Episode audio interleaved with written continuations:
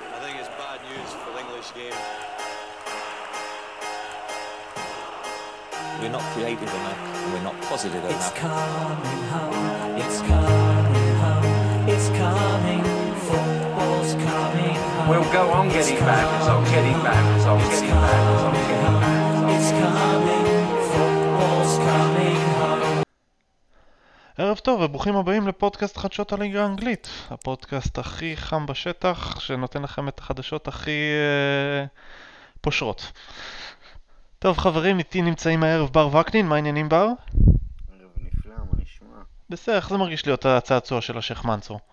אה, התרגלנו כבר, אתה יודע. לא, לא הקבוצה, אתה. אני, אני בסדר, רק תלמד לאיית באנגלית והכל יהיה בסדר. אה, השם של מנצור לא, לא ראוי שילמדו לאיית אותו כמו שצריך. ואיתנו נמצא גם גיא יוליאל, מה העניינים גיא? אהלן אביעד, מה קורה? ערב טוב. אז uh, מהנוכחות של גיא פה אתם יכולים לנחש שאנחנו נדבר לא מעט על ארסנל, ויש הרבה מה לדבר עליהם. אבל לפני כן אנחנו נתחיל עם קבוצה טיפה יותר חמה. ליברפול העפילה אתמול אה, רבע גמר גביע הליגה אחרי שניצחה את ארסנל 6-5 בפנדלים אחרי משחק עצום, עצום, עצום. זה היה פשוט ניס... מה? חמש ארבע בפנדלים. 5-4, סליחה, בפנדלים, זה, זה, זה נחשב 6-5 כולל, ה... בדיוק. כולל המשחק עצמו. הניצחונות בפנדלים בדרך כלל נרשמים בתור 1-0. אז אחרי 5-5 במשחק עצמו, פשוט משחק עצום, אחד הגדולים שאני זוכר במסגרות הגביעים בשנים האחרונות, איכשהו זה תמיד יוצא עם ארסנל. לפני כן, באנפילד. אה, ליברפול, בוא נגיד ככה, ליברפול ארסנל זה משחק גדול בפני עצמו מבחינת האיכות שלו. ארסנל במשחקי גביע גם, זה יש המון התפוצצויות שערים. תכניסו את שני הדברים האלה ביחד ופתאום יש לכם כל מיני דברים שאת, אה, שאתם לא יכולים לדמיין לעצמכם. אבל לפני כן אני רוצה להתחיל עם ליברפול. כמו שהתחלנו לומר לפני כן, ליברפול ארבעה ימים לפני כן, שלושה ימים לפני כן, סליחה, ניצחה את טוטנאם באנפילד 2-1 אחרי פיגור 1-0 מאוד מאוד מאוד מוקדם, והיא נתנה חתיכת הופעה שם. אה, פאולו גזניגה, השוער המחליף של טוטנאם, היה צריך להציל 12 פעמים, שזה הכי הרבה במשחק פרמייר ליג מאז שדוד דחיה הציל 14. גיא, אל תבכה, אני, אני יודע שאתה חוזר למשחק הזה בסיוטים שלך. לא, לא, זאת הייתה עונה מתה גם ככה. ובכן, ליברפול על הגל. מקום ראשון, היא הפסידה נק... נקודות נקרא לזה ככה, אבל היא לא ניצחה רק בשני משחקים בכל המסגרות השנה, שזה נפולי ויונייטד. שש נקודות הפרש בפסגה, עוד שבועיים סיטי מגיע לאנפילד, ומה שמרשים במיוחד זו עובדה שהם ניצחו את ארסנל בתכלס בהרכב בית מוחלש. כלומר, בלי ונדייק, בלי כל ההגנה, לצורך העניין, בלי השוער, קישור ב', בלי אף אחד מהחלק ההתקפי, ובכל זאת הם באו מול ארסנל והסתכלו להם בלבן של העיניים, חטפו את החמישייה שלהם, נתנו את החמישייה שלהם בחזרה. יש מישהו שיכול לעצור את אה, ליברפול השנה? בר, נתחיל איתך. אה, לעצור, אני מאמין שיהיו קבוצות כאלה ואחרות שכן יצליחו לסחוט נקודות. לא, אני לא מדבר ברמה- ברמה הנקודתית. לא חושב שזה, שמישהי, שאיזושהי קבוצה באמת תעצור אותם, אולי בליגת האלופות. אה, קודם כל אני אתחיל להגיד שאפו ענק, באמת. אה, אם אנחנו נשים את הקבוצות, כמו שאמרת, ילדודס של ליברפול נגד אה, ארסנל, שגם שם היו ילדודס, אבל, גם, אבל היו שם גם כמה שחקנים שוואלה, אתה מצפה מהם כן לנצח את, את, את הקבוצה הזאת של, של ליברפול העמידה. ובהתחלה זה באמת היה נראה ככה, שאחרי השלושה, השלושה שערים הראשונים, אמרת זהו, זה כבר גמור, אין, אין, אין כבר טעם לראות. אני כבר לא יודע מה להגיד, אם זה מזל, אם זה אופי, אם... באמת, לא יודע כבר מה להגיד על הקבוצה הזאת, אבל איכשהו היא עושה את זה כל פעם מחדש, וכל פעם אם זה בשערים בדקות האחרונות, כמו השער שאוריגי הביא, בכללי בכלל היה לו משחק מעולה. הוא היה נראה ככה המבוגר האחראי על המגרש. עכשיו להמשך, אה, לעצור, אולי, אם יש קבוצה שבאמת מסוגלת לעצור זה אולי סיטי, אבל אני לא חושב שזה, ש, שאת העונה הזאת ש, שליברפול עוברת השנה, מישהו כן יהיה מסוגל לעצור אותה בליגה. אה, כי זה גם מעבר ל- לרק מזל ואופי והכל, הם באמת קבוצה טובה, הם באמת נראים קצת יותר טוב אפילו ממנצ'סטר סיטי, הם נראים קצת יותר טוב, ואתה יודע, אם אנחנו מסתכלים על כל משחק אה, לגופו, ואנחנו רואים את מה שליברפול עושה גם כשהיא לא נראית, גם כשהקבוצה הזאת מטשטשת וגם כשהם משחקים עם הרכב מלא ואתה אומר וואלה הנה פה הם מאבדים. במשחק הזה הם יאבדו וזה לא קורה, זה לא קורה וזה מה שנקרא אתה יודע אה, אופי של אלופה, כמו שאתה אומר מזל של אלופה, כמו מה שסיטי הציגה ב- לפני שנתיים, ידעת שהם ייקחו את זה, פה זה מרגיש בדיוק אותו דבר. הבעיה עם מזל של אלופה זה שזה משהו שכאילו אומרים כל פעם שקורה לקבוצה בצמרת אה, אירוע שהוא נתפס בתור אירוע של מזל, לפעמים זה מזל של אלופה, אתה יודע, שניים, שניים שלוש מקרים האלה בשנה שבהם אה, מדובר אה, באמת במזל, יד המקרה, אבל כשזה חוזר על עצמו, הרבה פעמים לאורך אותה עונה, מזל נגמר. בדיוק, בגלל זה גם הוספתי, זה גם אופי. זה גם אופי, אין פה, אין ספק, זה גם אופי לדעת. ליברפול, אם אני לא טועה, זאת הקבוצה שחזרה הכי הרבה מפיגור ועדיין ניצחה, או הכניסה את מרבית השערים לאחר דקה 70 ומשהו, כשהיא הייתה כבר בפיגור. איזשהו נתון כזה. אה, ככה שאתה יכול להגיד מצד אחד, וואלה, היא כל פעם מכניסה את עצמה למ- למצב הזה, וזה נראה רע, ומתישהו היא לא, היא לא תצליח והיא כן תאבד את הנקודות, אבל מצד שני אתה אומר, בואנה, לא משנה כמה פעמים זה קורה לה, זה לא נגמר עד שזה לא נגמר, היא תמיד, מצ... כאילו תמיד העונה, אני מתכוון, מצליחה לנצח. מה דעתך גיא? אנחנו מדברים פה על uh, מזל של אלופים, אופי, או, שאנחנו, או שיש פה איזושהי אולי בעיות שלאורך זמן הם אולי יתגלו? אה, טוב, ברשותכם, אני קודם כל אתייחס למשחק שהיה אתמול. אה, אני לא חושב שזו הייתה איזושהי הופעה אדירה של ליברפול אתמול שעזרה לה ל... להתגבר על הקושי ולחזור מול ארסנל, ואני ארחיב את זה כשנדבר על ארסנל בהמשך, אבל בעיקרון אני יותר חושב שזה יותר על ארסנל, מאשר שזה על ליברפול. כשהובלנו 4-2, להגיד לך שהייתי בביטחון שננצח. זה הרכב ג' של ליברפול, זה בוודאות יותר לארסנל מאשר טובת ליברפול. כן, אבל אני, אני פשוט, הנקודה שלי זה שאני לא חושב שהיה פה איזושהי אופן אדיר שזה, ואני גם, באופן כללי, אני חושב שהם משחקים את הכדורגל הכי טוב ב, בליגה כרגע. אני חושב שרוב השחקנים שם, סאלח, מאנה, פירמינו, כולם מגיעים כבר ל... בוא נקרא לשיא שלהם, ממש עכשיו, כאילו, בימים אלה, ככה זה מרגיש. השאלה שלי זה האם שחקנים ששיחקו שנה שעברה 50 ומשהו משחקים, כולל משחקי נבחרות, שיחקו עוד בקיץ, כולם כאילו כמעט 90 דקות בהרכב, יכולים לשחזר את אותו דבר השנה. כלומר, שחק גם 50 משחקים בגלל שעומק אין שם. אם אתה מוריד את הטריו, יש לך את אוריגי, נגיד שיכול להיכנס לאחד מאלה. פציעה של שתי שחקני התקפה והם כבר בבעיה. פציעה של מישהו בקישור והם כבר בבעיה. קייטה זה לא מה שהם חשבו שיהיה. אוקס. לא בדיוק שחקן שאתה יכול, למסור, שאתה יכול אה, לסמוך עליו. ונדייק, בלעדיו ההגנה, כולכם יודעים איך היא נראית, שלא לדבר על המגנים, שגם השנה הם שחררו את מורנו, ואין להם בדיוק כאילו מחליף לסיפור הזה. כאילו, הם הולכים לעונה הרבה יותר ארוכה, עם סגל שהוא כנראה יותר קצר ממה שהיה שנה שעברה. אז להגיד לך עכשיו בוודאות שאף אחד לא יכול לעצור אותם, אני לא יכול להגיד לך. אני חושב שיהיה להם עוד הרבה קשיים, יש להם אליפות העולם. יש להם עוד לוח משחקים רצחני בינואר מבחינת כאילו זמנים וטיימינג ודברים כאלה, הם מנסים לבטל את זה, הם מנסים להעביר את זה, אני לא חושב שהם יצליחו. יורגן קלופ דיבר את זה אתמול, הוא רצה, הוא דיבר על הקטע הזה של גביע הליגה וכמה זה מיותר ובלה בלה בלה. אני חושב שמה שיכריע אם הם ייקחו אליפות או לא השנה זה נטו היכולת שלהם לעמוד בעומס, כי העומס הוא אדיר. האחרונה שעשתה את זה בליגה ולקחה אליפות זה מנצ'סטר יונייטד ב-2009 אני חושב, שהם לקחו בדיוק את, אה, את אה, ליגת האלופות ב-2008, כן, והם הצליחו לעמוד בזה, אבל זה פרגוסון, זה כאילו, זה עולם אחר לגמרי. יונייטד הייתה קבוצה גם רחבה בסופו של דבר, כלומר, אה, אה, בוא נגיד זה ככה, לזכות בליגת האלופות ולהגיע לגמר של ליגת האלופות ברמת העומס זה אותו דבר. נכון. אז יונייטד עשתה את זה ב-2008, 2009, 2011, אבל זה היה עם סגל של 25 שחקנים, give or take, ש... שהיו חלק מההיררכיה. כלומר, ב-2009 כן, אבל הקבוצה הזאת גם לקחה את גביע הליגה וגם הגיעה לחצי גמר ה-FA, כלומר, אם... וכיוון שהיא הייתה אלופה, היא כמובן שהיא שיחקה בקומיוניטי שילד. והיא שיחקה באליפות העולם לקבוצות. כלומר, מבחינת לוח משחקים, הקבוצה ההיא של מנצ'סטר יונייטד שיחקה את המקסימום שאפשר לשחק משחקים בעונה, מינוס אחד. רק ה-FA Cup.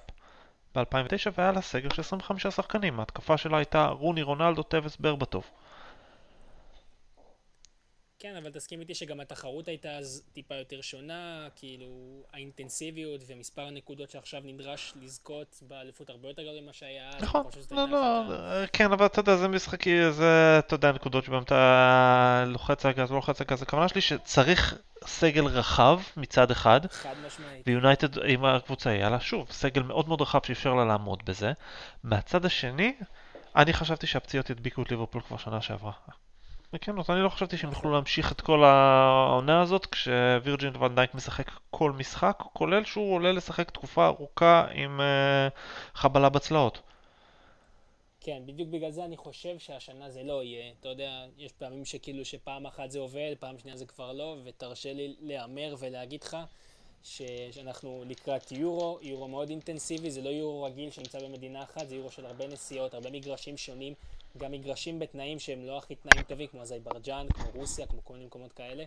מקומות שבוא נגיד שהדשא בהם לא הכי סבבה, ויש סיכוי יפה מאוד שליברפול של העונה הבאה לא תעמוד בזה, אם הוא ימשיך לשחוק ככה את השחקנים שלו.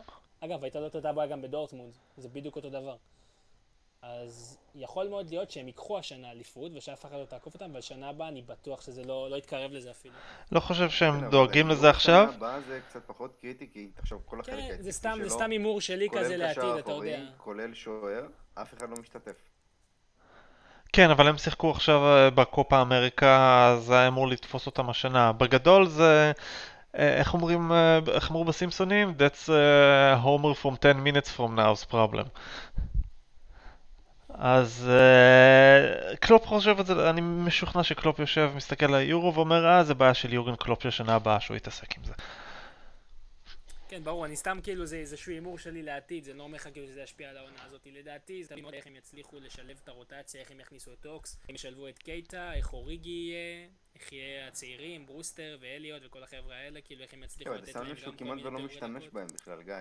הוא לא מנסה, וזה בדיוק מה שאני אומר, לא- אנחנו רק ולא באוקטובר, כאילו העונה. עוד ארוכה ארוכה.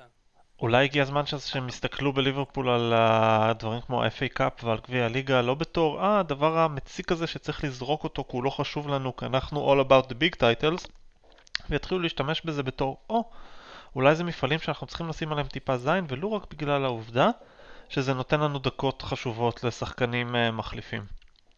אה, אתמול הבדל שהוא מאוד מאוד רציני בין הצעירים של ארסנל לבין הצעירים של ליברפול, וזה לא בגלל שהצעירים של ארסנל זה שחקנים שנגע בהם האל, זה ממש לא הסיפור. השחקנים של ארסנל הצעירים רצו השנה בליגה האירופית ורצו השנה גם ב...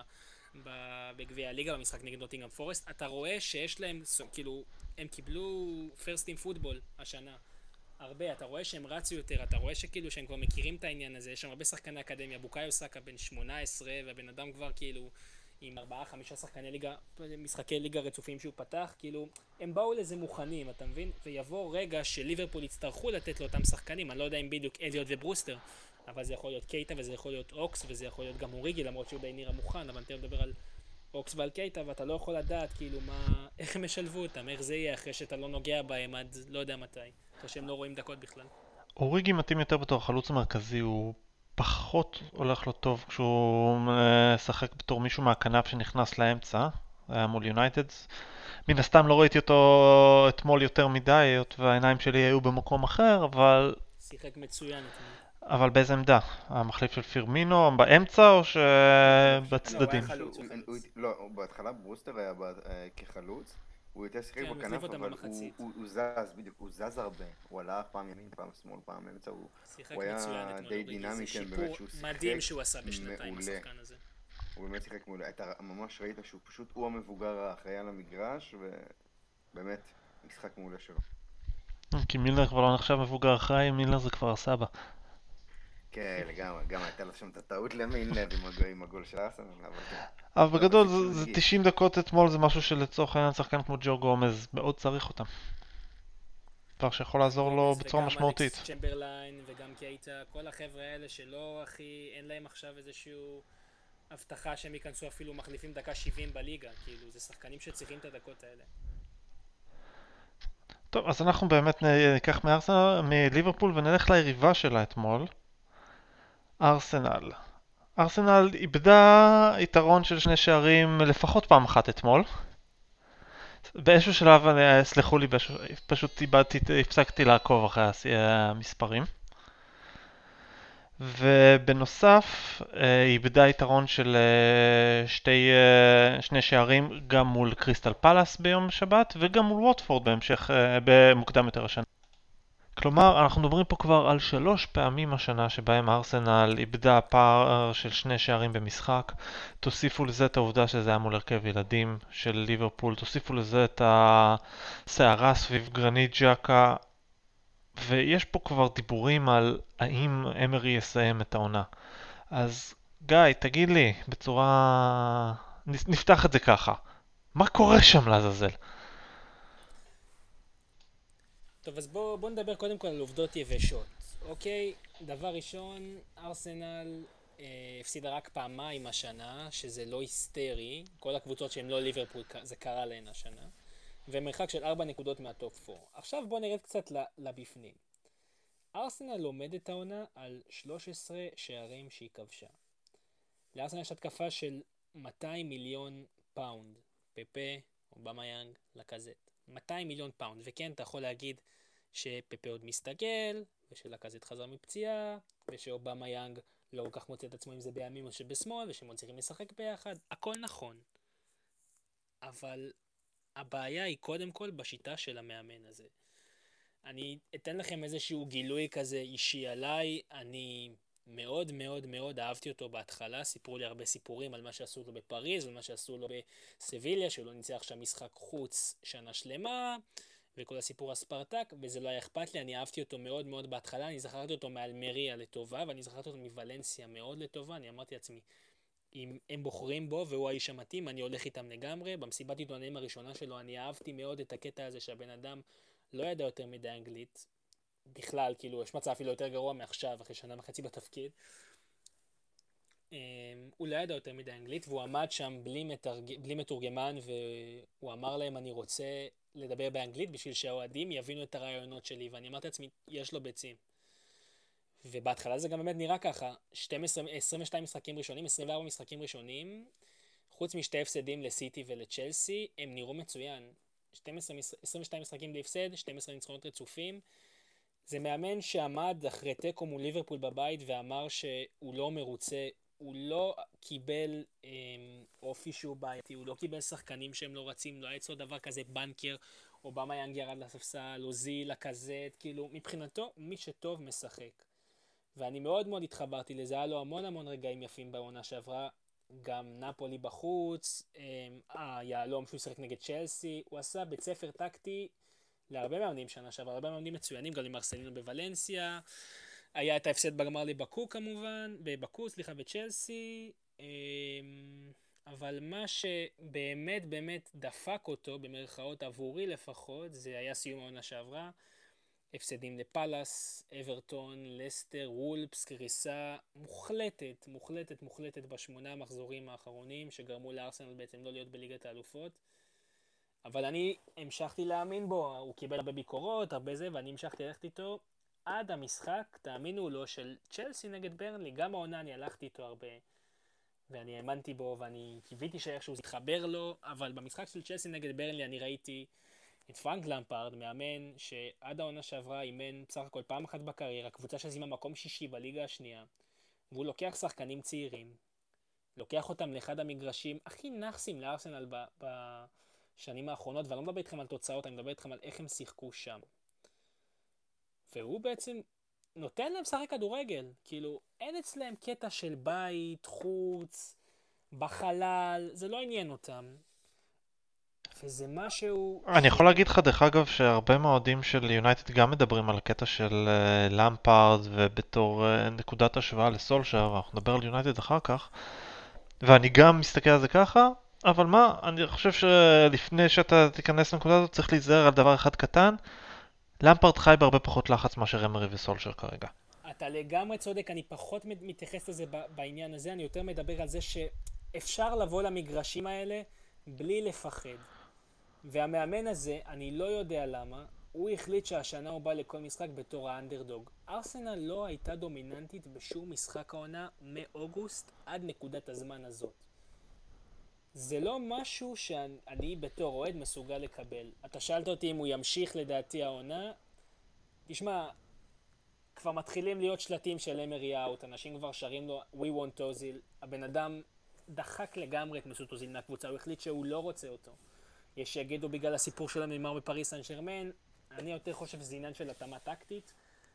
אבל זה לא משנה, הוא דחק אותו לגמרי, לא הביא שחקן אחר במקומו שיכול לייצר מצבים. דני סביוס משחק יותר בעמדה של לירון רמזי, פחות בעמדה שלו.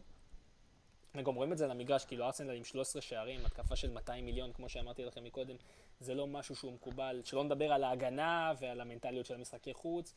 זה לא זה, הוא לא עובד. Um, הסיפור עם גרנית צ'קה זה דוגמה מצוינת למאמן הזה, כי הוא, יש לו איזשהו אני מאמין שהוא מנסה לקיים אותו בכל קבוצה, לא משנה הליגה, לא משנה כלום. הוא בחזון שלו מאמין שקשר אחורי צריך להיות שחקן גבוה.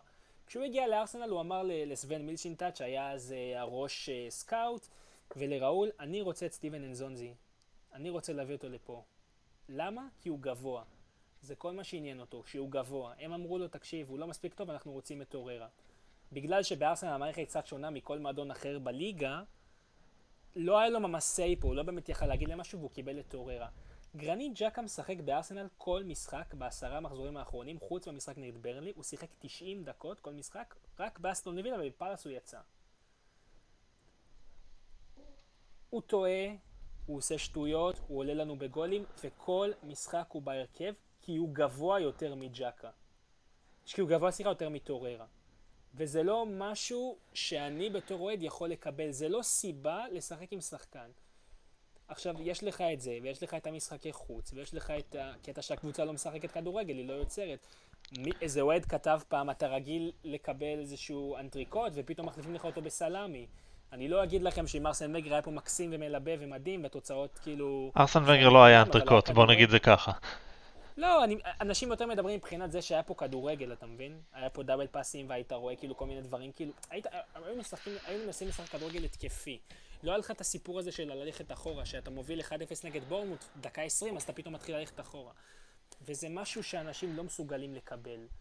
אחרי המשחק נגד קריסטל פלאס, הפעם השלישית שאונאי אמרי מאבד יתרון העונה, וזה גם לדעתי קשור לעובדה שהוא כל משחק מגיע כמו אנדרדור, הוא כל משחק נותן לקבוצה השנייה להיות דומיננטית ולנסות לעקוץ. ארסנל לא ניצחה העונה בליגה משחק מעל הפרש של שער אחד. ארסנל בחיים לא הייתה דומיננטית העונה. וזה לא משהו שהאוהדים, או קרונקי, או המנכ"ל, או המנהל המקצועי, אף אחד לא מוכן לקבל. מה הם כן מוכנים לקבל, אם בסופו של דבר זה יביא אותם לליגת האלופות. השנה, ארסנל חייבת להיות בליגת האלופות. חייבת. ברמה שגם ראול יודע את זה, גם אדו יודע את זה, גם ג'וש קרונקי יודע את זה, וגם אונאי אמרי יודע את זה. מה המחיר אם היא לא תהיה? המחיר, מבחינה... אני חושב שקודם כל זה יפגע מאוד במותג, אנחנו מדברים פה על ארבע שנים כאילו של חוסר בליגת אלופות. הדבר השני זה כנראה שאו יאנג או לקזט הם לא יאריכו חוזה. אתה חוזר אחורה. הפרויקט כאילו תקוע. אז uh, הם לא ייקחו פה איזשהו סיכון איתו. לארסנל יש עכשיו משחק נגד וולפס ונגד לסטר. אני את ההימור שלי אמרתי. אני חושב שאונאי אמרי לא מנצח לא את וולפס ולא את לסטר. וולפס בבית, לסטר בחוץ. הוא לא מנצח אותם. ואני חושב שאם הוא לא מנצח אותם, אפילו אם הוא מפסיד את שניהם, הוא הולך הביתה. הם לא ייקחו איתו סיכון. בוא, הם בוא, לא ייקחו סיכון על להמר על איזושהי עונה שהמאמן מאבד את האמון של הקהל שלו, של החדר הלבשה שלו, ומגיע למצב שהוא 8-9 נקודות ממקום 4. אנשים לא יקבלו את זה, בטח שלא הם. בוא, בוא ניכנס באמת לעניין הזה, כי פה לי ולך יש אי הסכמה בעניין הזה. אני לא מאמין שארסנל תפטר את אה, אונאי אמרי. בוא נגיד זה אחרת, דרך אחורה, אני לא חושב שארסנל יכולה להביא מחליף באמצע העונה איכותי לאונאי אמרי. גם לא. כי מאמן איכותי ארסנל יכולה להביא מאמנים איכותיים, אנשים כמו אלגרי לצורך העניין, או מוריניו, ותכף ניגע במוריניו טיפה יותר, אבל אנשים כאלה, הם בהחלט ישמחו להגיע לארסנל. הם לא ישמחו ועל סף יסרבו להגיע באמצע העונה. למה? כי אתה מתאר סיטואציה שבה ארסנל תפטר את אונאי אמרי מחשש שהיא לא תגיע לטופ 4. זאת אומרת שמאמן שיגיע באמצע העונה יצטרך להביא טופ 4. יצטרך, יהיה עליו לחץ. כשאין לו אפשרות לשנות איזה סגל, כשזה סגל שהוא לא מכיר, שהוא צריך לתת תוצאות מהר. זה לא משהו שמאמנים כאלה רוצים. הם רוצים לבוא ולעבוד בשקט. הם מוכנים לבוא באמצע העונה. אם אתה אומר להם, תשמעו, קחו את החצי העונה הזאת בתור זמן לימוד, לא אכפת לי מה תעשו פה. אז זה הבעיה. אז מצד אחד, ארסנל לדעתי לא תפטר את אמרי כשהעונה עדיין פתוחה, בגלל שא' לא תהיה סיבה וב' לא, היא, היא תתקשה מאוד להביא לו מחליף, ש... שהוא אחד שהיא תרצה שימשיך גם בעונה הבאה מראש. ואם העונה גמורה, וואלה, למה לפטר את אמרי? תן לו לסיים את העונה. ת... תשלם לו את השכר עד סוף העונה בסבבה. בסוף העונה תפטר אותו, תשלם לו את הפיצוי הפיטורים לעונה הבאה, אבל אתה לא תקוע עם התשלום בעונה הזאת על שכר כפול, שזה משהו שחשוב לארסנל. גם ביונייטד לצורך העניין, אחת הסיבות שמוריני לוקח זמן לפטר אותו, זה, זה התשלום הכבד של פיצוי הפיטורים. היה שם איזשהו קרב בינו לבין וודוורד של מי יתפטר קודם. אז אני לא רואה את אמרי הולך הביתה כל כך מהר. ברמת העיקרון אתה צודק. אני לא חושב שארסנל תצליח להוציא איזשהו מאמן מקבוצה, אני לא חושב שהם גם רוצים את מוריניו ואת אלגרי. אני חושב שמאמנים כמו מוריניו וכמו אלגרי לא מתאימים למערכת שיש בארסנל עכשיו, והם לא... וחלק ממה... מהדרישות שיש לתפקיד הזה... אני חושב שאלגרי כן, דרך אגב. אני לא כל כך בטוח, אלגרי אני לא חושב שהוא יסכים לשלב צעירים, ואני לא חושב שהוא תשחק פה כדורגל אטרקטיבי, אני לא חושב ש... שהוא מתאים? לא חושב שארסנל שמה כדורגל אטרקטיבי בתור משהו כזה חשוב, גם לא כזה שילוב צעירים, אני חושב שהכדורגל הפרגמטי של אלגרי י... י... יעבוד וזה בסדר, לא חושב שאמרי על סף פיטורים בגלל כדורגל לא אטרקטיבי. מוריני זה סיפור אחר, כי מוריני יש דרישות מהסגל ברמה התקציבית. והוא ידוע בתור אחד שיפתח את החזית הזאת בצורה פומבית, וזה לא נראה לי משהו שארסנל ייקחו. כלומר, הדברים... שמעתי את השמועות על מוריניו בגדול, אבל כשאני מסתכל על הסגל של ארסנל אני רואה שלושה שחקנים פחות או יותר שהם מוריניו סטייל מה שנקרא, ולא ייתנו לו את הכסף לשנות את זה. אז הוא לא כזה רלוונטי. אלגרי זה סיפור אחר. תשמע, אני בעיקרון, אני חושב שארסנל דווקא מאוד שמה דגש על שילוב של צעירים. הם גם מדברים על זה הרבה, גם רול סנלחי המנכ"ל, וגם עדו, וגם כל מי שמעורב בזה, הם מאוד מוצאים דגש על כאילו על זה שיש פה איזושהי אחריות כלפי המועדון הזה, כלפי האקדמיה הזאת, כלפי כדורגל התקפי. זה זול יותר, כן? שאמר... נכון, זה גם זה, זה גם זה, גם זה השיקול. אני לא אומר לך שזה יש פה איזשהו, אה, אתה יודע, פילוסופיה שיש לנו מיליארדים בבנק וזה בגלל זה. זה גם זול, ולא צריך לבקש כסף כל פעם אה, מהביג בוס למעלה. בניגוד לצעצוע של שייח' מנסור שנמצא איתנו בשיחה, אני ואתה מבינים היטב מה זה בעלים אמריקאי. תירגע, תירגע, מסכן שלי, לא קיבלתם כסף. גם יומו יגיע. בכל מקרה, הנקודה שלי היא כזאת, אני חושב שכמו שאמרת שמוריניו לא מתאים. אלגרי אני לא חושב שמתאים, אתה חושב שכן? אני לא חושב שהוא, שהוא יקיים את, את הדברים האלה. מה אני חושב שהם כן מתאים?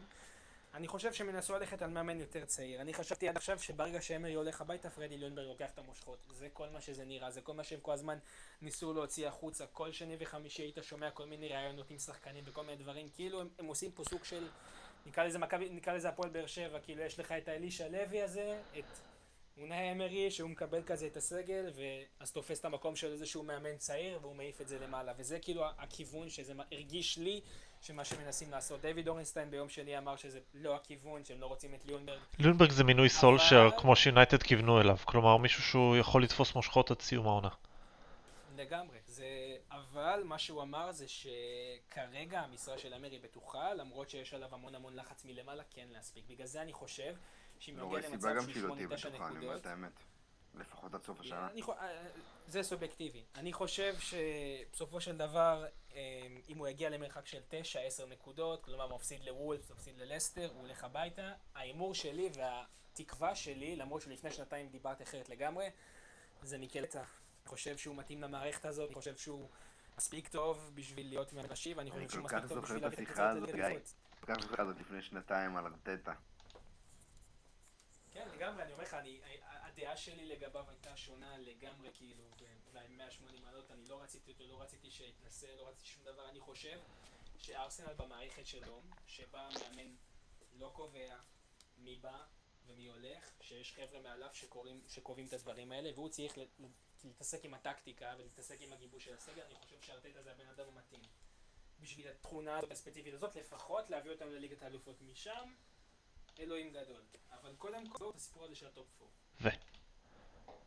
אז בעיקרון, אז, אז בגלל זה אני חושב ש, שמיקל ארטטה יכול כן להיות המאמן הזה שיחליף אותו. הוא כן מתאים למערכת הזאת החדשה שנוצרה ל- לעידן הזה שאחרי ארסן ונגר, לעידן הזה של יש פה משהו אחר, משהו שהוא חדש.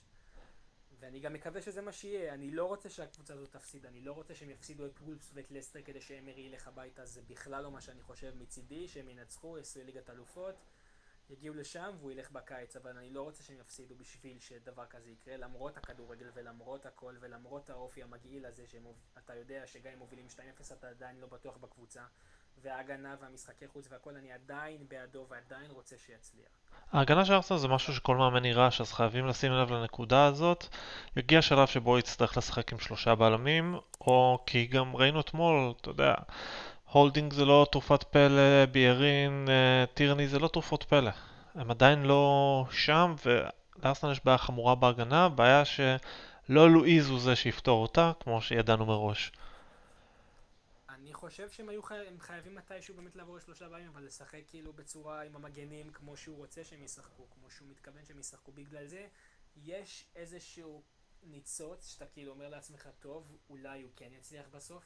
כי בסופו של דבר טירני ובלרין זה הבסיס של הפילוסופיה שלו, הכדורגל הזה של המגנים, זה הבסיס של מה שהוא מאמין בו.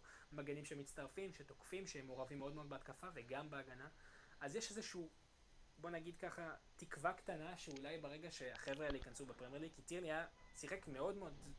אתה ראית כאילו את השינוי בינו לבין סיאד קולאשינאץ' במשחק נגד קריסטל פאלאס, אתה ראית מה הוא מסוגל לעשות. הוא סידר לקאזט מצב מצוין גם לפפה, כאילו, זה היה מאוד מאוד קרוב. והתחושה שאם זה יקרה, ואחרי שאתמול הוא החזיר את מסוט אוזיל מהמתים, והוא גם דיבר על זה שהוא ישלב אותו נגד וולפס, אם זה יקרה, ואחרי שהטריו ישתלב, ואם איכשהו יגרום לזה שגרנית ג'קה אחרי הסיפור עם הקהל כבר לא יהיה שחקן הרכב, הוא יכניס את טוררה במקומו, אז אולי אתה יכול להאמין שהוא ינצח את וולפס ואת לסטר. זה ארבע דברים שכאילו שהם אי מאוד מאוד גדול. נצטרך לראות, אני לא יודע, אני אגיד לך את האמת, אני פסימי, אני חושב שהוא מפסיד את שניהם. הלוואי ואני טועה. אנחנו נצטרך לא להסכים על העניין הזה, וממשבר אחד למשבר שני, או אולי סיומו. מנצ'סטר יונייטד ניצחה אתמול בסטמפורד ברידג' 2-1 אחרי עם צמד של מרקוס ראשפורד וסימנה שלושה ניצחונות חוץ ברציפות וזה אחרי שמונה חודשים כמעט ללא ניצחון חוץ. כלומר, מאז פריס סן ג'רמן ואז פרטיזן בלגרד ביום חמישי שעבר, יונייטד בלי ניצחון חוץ ופתאום שלושה בשבוע. האם זה סוף המשבר במנצ'סטר יונייטד? בר, מה אתה חושב? אני לא, קודם כל זה, זה קצת מהר מדי אה, לקפוץ ל, למסקנות. אני חושב ש... אני לא זוכר אם זה היה ב pod האחרון או pod לפני כן, שדיברנו על זה, שזה בדיוק, זה בדיוק מה שמנצ'סטר יונייטד צריכה, איזשהו, איזשהו כמה משחקים שייתנו לה מנוחה או איזושהי מקפצה ככה להמשך, לעשות איזשהו שקט במועדון אחרי מה שהיה, אה, אחרי, התקופ... אחרי ההפסד לניוקאסל. והתיקו מול כמה, בכלל היכולת שהיא הציגה במשחקים האלה, ואז הגיעה באמת היכולת היותר טובה מול ליברפול, ואז פרטיזן, פרטיזן שהם ניצחו, נכון, גם שם זה לא היה וואו אחד גדול, אבל בכל זאת זה היה ניצחון, ממשיכים באמת עם נוריץ' וצ'לסי, למחוא כפיים, זה מה שצריך לעשות, למחוא כפיים, להגיד וואלה, כל הכבוד, עברנו. בוא נראה איך ממשיכים מפה, צריך להמשיך עם זה, צריך שיהיה יציבות. גם, גם עכשיו אתם לקראת משהו כמו שישה משחקים בערך, אם אני לא טועה, שהם משחקים די פשוטים עבורכם, משחקים שאתם אמורים לקחת. אם תשמרו על זה, יהיה אפשר לדבר על המשך. הבעיה של לא. מנצ'סטר יונייטד היא באמת המשחקים שאתה אמור לקחת. כי אם נפרק שנייה את שלושת המשחקים האחרונים, אז פרטיזן בלגרד הייתה קבוצה פח ומנצ'סטר יונייטד לא הייתה רחוקה מלהפסיד שם. המשחקים מול ליברפול ומול צ'לסי היו בדיוק מסוג המשחקים שיונייטד חיה עליהם כרגע מבחינת היכולת שלה, שזאת אומרת משחקים מול קבוצות שלא מצטופפות מאחורה ושיש שטח לשחק מולם. השער שיונייטד כבשה מול uh, ליברפול היה קלאסה של העניין הזה. שטח שמאפשר לדניאל ג'יימס לרוץ, שטח שיש למרקוס ראשפורד להיכנס לתוכו.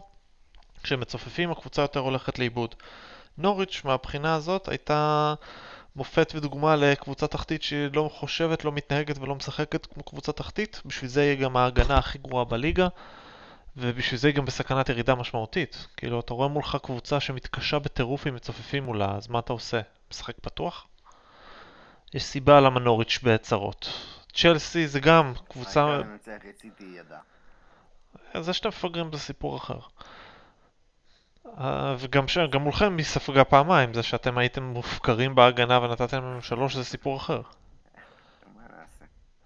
והמשחק הנוסף במנצ'סטר יונייטד הוא צ'לסי אתמול, זה לא היה משחק טוב, זה היה משחק אפקטיבי, יעיל, סגירות שטח יעילות של יונייטד, עמידה נכונה על המגרש, אבל מבחינת ייצור מצבים, כלום. פנדל שאני אני אישית בחיים לא הייתי שורק אותו. ובעיטה חופשית שאללה בבאללה, וואי איזה בעיטה זאת הייתה. חתיכת בעיטה. אז זה לא בדיוק מה ש... תמונה מול אה, בעיטה של רונלדו במדים שלכם, זה נראה אפילו אותו זווית של הגוף. ממש זה הזכיר... אה, היו, כשפרסמנו את זה אה, בדף אה, היום, אז היו הרבה אנשים שדווקא, שבאמת רשמו את זה. וואלה, לרגע חשבתי שזה רונלדו מפעם, או איזשהו מישהו שחקן. כאילו לינדלוף לא אמר את זה. כן, ממש, לא, אני אומר שגם הגיבו את זה בדף. כאילו זה אשכרה, כאילו, זה לא רשפורד. עכשיו, לרגע, לרגע ראיתי מישהו אחר בועט. זה הסגנון של רשפורד בבעיטות, זה מישהו מנסה לחכות. לצערי זה גם נראה בזמן האחרון, בשנתיים האחרונות זה גם נראה הרבה כמו איך שרונלדו נראה בבעיטות חופשיות בשנתיים האחרונות. לא מרשים בכלל, אבל כשהבעיטות האלה תופסות, וואו, זה פשוט נראה נהדר. אז בשבת מנצ'סטר יונייטד תשחק בחוץ נגד בורנמוס. מה אתם חושבים שהולך להיות שם? אנחנו חוזרים לקשיים אה, מול אה, קבוצות מצטופפות, או שאולי בגלל שזה בורנמוס של אדי האו, ועם המומנטום יונייטד יכולה להתחיל אה, לבנות משהו? גיא, מה אתה חושב?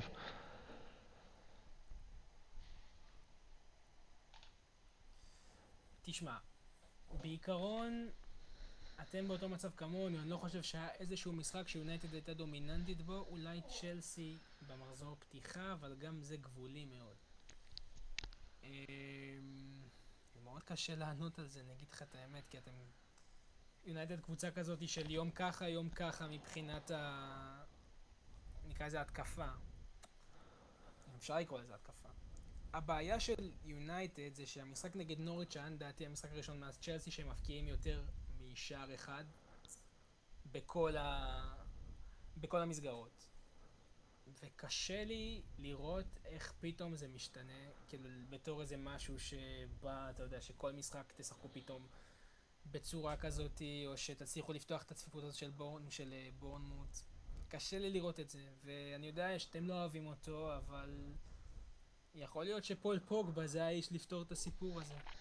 פוגבה הולך להיעדר עד דצמבר, אז הוא לא הפתרון של שום דבר עד אז. כרגע כן, אבל אני מדבר כאילו באופן תיאורטי, שאולי כשהוא יחזור עם מרסיאל ועם רשפורד, אז פתאום זה ייראה יותר טוב. רוב הש... כאילו, השער שלכם נגד... אה, קיבלתם אתמול פנדל שאני לא יודע אם הייתם מקבלים אותו, כמו שאמרת. השער השני הוא ממצב נייח, כלומר אף שער שכבשתם הוא לא מ open play. פרטיזן בלגרד גם אותו סיפור, גם פנדל. נוריץ' גם. אם סופרים דרך אגב. רק אה, מצבים אה, של אה, 35, big chance זה נקרא. האם אתה סופר big chance כ-35% ומעלה, יונייטד הקבוצה הכי גרועה בליגה חוץ מזה, חוץ מניוקאסל, ביצירת מצבים. אני חושב שהבעיה זה הרבה יותר מ... אה, קבוצות פה מצופפות, אה, פה קבוצות נותנות שטח, אז פה יותר קל, פה יותר קשה. אני חושב שהבעיה זה שהקישור הזה לא מספיק טוב, ושההתקפה הזאת לא מספיקה טוב בשביל לסיים את זה, כאילו. אני חושב שזה הרבה מעבר לאם מצופפת והיא משחקת פתוח, אז בגלל זה פה אנחנו עוצרים ופה לא, אני חושב שזה עניין של פשוט לתפוס יום. אתה מבין? איזשהו יום שפתאום הולך לך, שזה יותר משהו שהוא יותר, נקרא לזה נדיר, מאשר ימים שלא ילך וטבעי שלא ילך, כי השחקנים לא מספיק טובים. טוב, אני מקווה לטוב, אני מניח שאתם פחות, וניתן רגע כמה דקות לנושא האחרון שלנו להיום.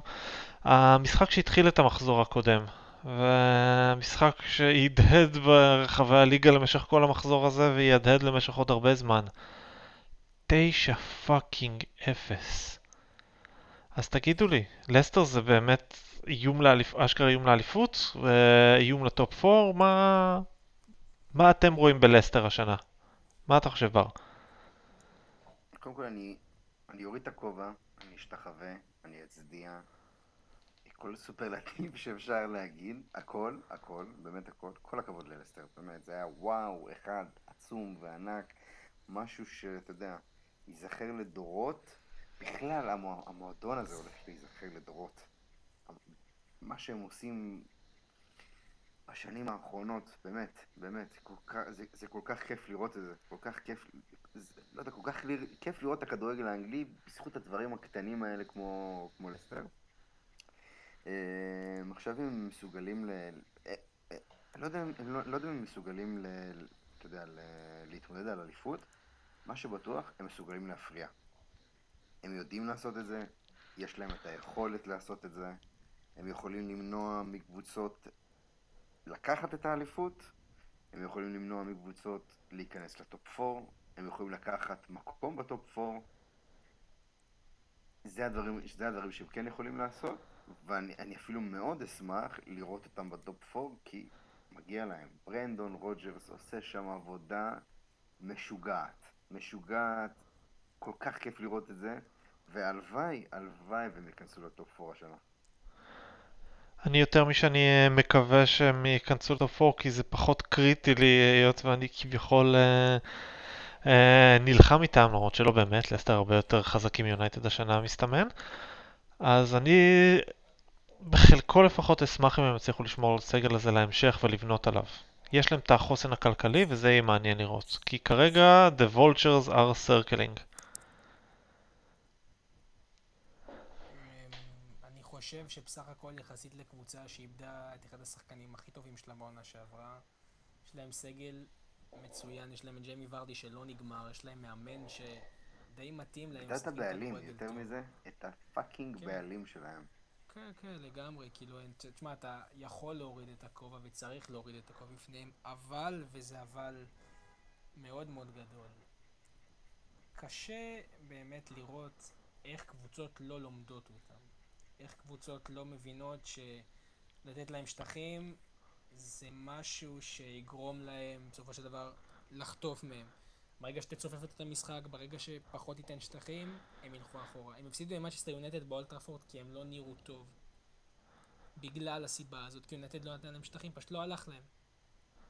וזו שאלה מעניינת לראות כמה זמן זה יימשך. אני זוכר קבוצות ששיחקו כדורגל גם, בוא נגיד, לא כמו הכדורגל שלהם, לא שמו 9-0 לסוטון, אבל אני חושב שהל סיטי של 2008-2009 זה הדוגמה שהכי זכורה. הם. יותר מזה, יש להם, אה, יש להם סגל הרבה יותר איכותי מהדברים האלה, יש להם את האפשרות גם ברור. לפצח מערכים צפופים.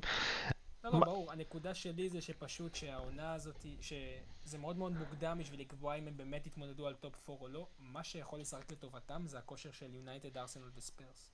שזה יכול לגרום לזה ש... בוא נגיד שלא כי הם אדירים הם ייכנסו, אלא יותר כי האחרות מזעזעות. אם הם יצליחו להביא בינואר אה, קיצוני ימני באמת יציב, ואז הרווי באונס ישתמש יותר בתור אימפקט סאב, ואז הם קבוצה ממש מפחידה. באמת ממש מפחידה. וכמובן להימנע מפציעות, לא כי מדיסון וורדי הם לא בדיוק ברי תחליף אצלהם. אולי- יאנצ'ו, הנה, יאנצ'ו כבש במשחק האחרון. בואנה, אז אתה אומר שיש מצב שג'זוס לא יחליף אותו שם? ראית מה זה? למרות שיש פה, אתה יודע, אה. כבר גיא התחיל עם... גיא דיבר עם אה, אורנשטיין והתחילו השמועות לגבי בורנמוט. הוא ומרטינלי. אוטוטו. למרות שאני צוחק הרבה על ג'זוס לבורנמות', אבל זה שנינו יודעים שזה לא יקרה, כי בורנמות' אוהבת פשוט רק אנגלים ב-20 מיליון פאונד שלא שווים כלום מליברפול. זה יכול להגיע לאברטון עם מרקו סילבה, יקבל אותו בברכה. 50 מיליון. איפה חותמים על החוזה? טוב חברים, מרקו סילבה יישאר עד דצמבר. בנימה משמחת זאת אנחנו נסיים להיום. אנחנו נתראה בשבוע הבא ואנחנו נתחיל לעשות את ההיערכות לקראת משחק העונה. ליברפול תארח באנפילד את מנצ'סטר סיטי.